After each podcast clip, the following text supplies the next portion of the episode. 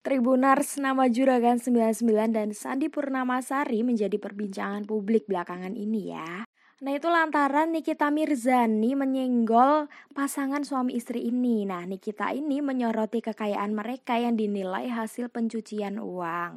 Jadi nih ya, nama Juragan 99 ini pastinya udah nggak asing lagi ya. Juragan 99 ini memiliki nama lengkap Gilang Widya Pramana. Ini nama ini pasti nggak asing bagi tribuner semuanya. Tak heran Juragan 99 dan istrinya Sandi Purnamasari kerap kali tampil bareng artis dan selebritas tanah air dalam beberapa kesempatan. Pada 2021, Juragan 99 resmi ditunjuk sebagai presiden klub Arema FC, sehingga namanya kerap kali muncul dalam pemberitaan. Bukan hanya itu, dia juga memiliki kanal YouTube Juragan 99 versus Sandi dengan beragam konten menarik yang kini telah memiliki 424 ribu subscriber. Nah, dikenal sebagai Crazy Rich Malang, dari mana sebenarnya sumber kekayaan Juragan 99 dan Sandi Purnamasari? Nah, berikut rangkuman sumber kekayaan kedua banyak Tribuners yang udah memes rangkum dari kompas.com. Yang pertama, JJ99 Corp. Nah, JJ99 Corp ini adalah induk bisnis Juragan 99 dan Sandi Purnamasari. Dilansir dari laman resmi JJ99 Corp,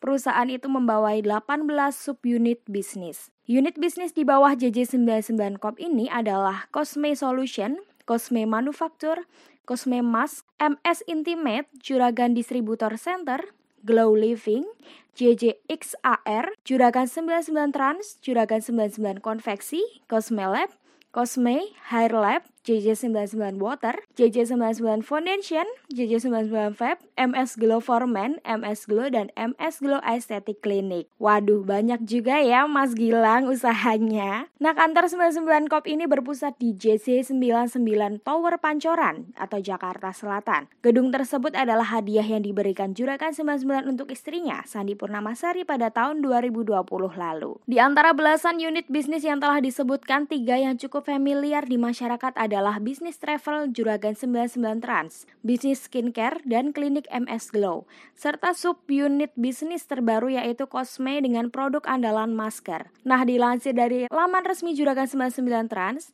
bisnis travel itu menyediakan banyak layanan armada seperti premium kelas 30 kursi, eksekutif kelas 50 dan 48 kursi, medium kelas 33 kursi, dan towing Juragan 99 Trans. Sejauh ini Juragan 99 Trans yang fokus pada jasa transportasi darat memiliki 9 armada Tribuners. Apa aja nih ya? Satu unit medium bus dan 8 unit big bus. Waduh. Adapun MS Glow adalah perusahaan yang didirikan oleh Sandi Purnamasari di bawah PT Kosmetik Cantik Indonesia. Produk andalan MS Glow adalah paket skincare serta klinik kecantikan yang bersedia di beberapa kota besar di Indonesia. MS Glow dijalankan Sandi bersama pengusaha asal Bali yaitu Maharani Kemala. MS Glow menjadikan sederet selebritas tanah air sebagai brand ambasadornya. Mereka seperti Marcel Widianto, Raffi Ahmad, Nagita Slavina, Fujian, hingga idol K-pop Cha Eun-woo Austro. Selanjutnya Arema FC sumber kekayaan Gilang Widya Pramana ya. Karena Gilang Widya Pramana ini ternyata telah ditunjuk sebagai presiden klub Arema FC sejak Juni 2021 lalu. Mimpinya adalah membawa Arema FC menjadi klub terbaik di Liga 1. Sebelum menjadi presiden, Gilang sempat membeli saham Arema FC dan memberikan sponsorship untuk klub tersebut lewat bisnisnya. Yang selanjutnya Tribuners ada AdSense YouTube. Nah ini biasanya nih ya nggak cuma si pebisnis aja jadi artis-artis sekarang juga udah mulai masuk ke dunia YouTube ya.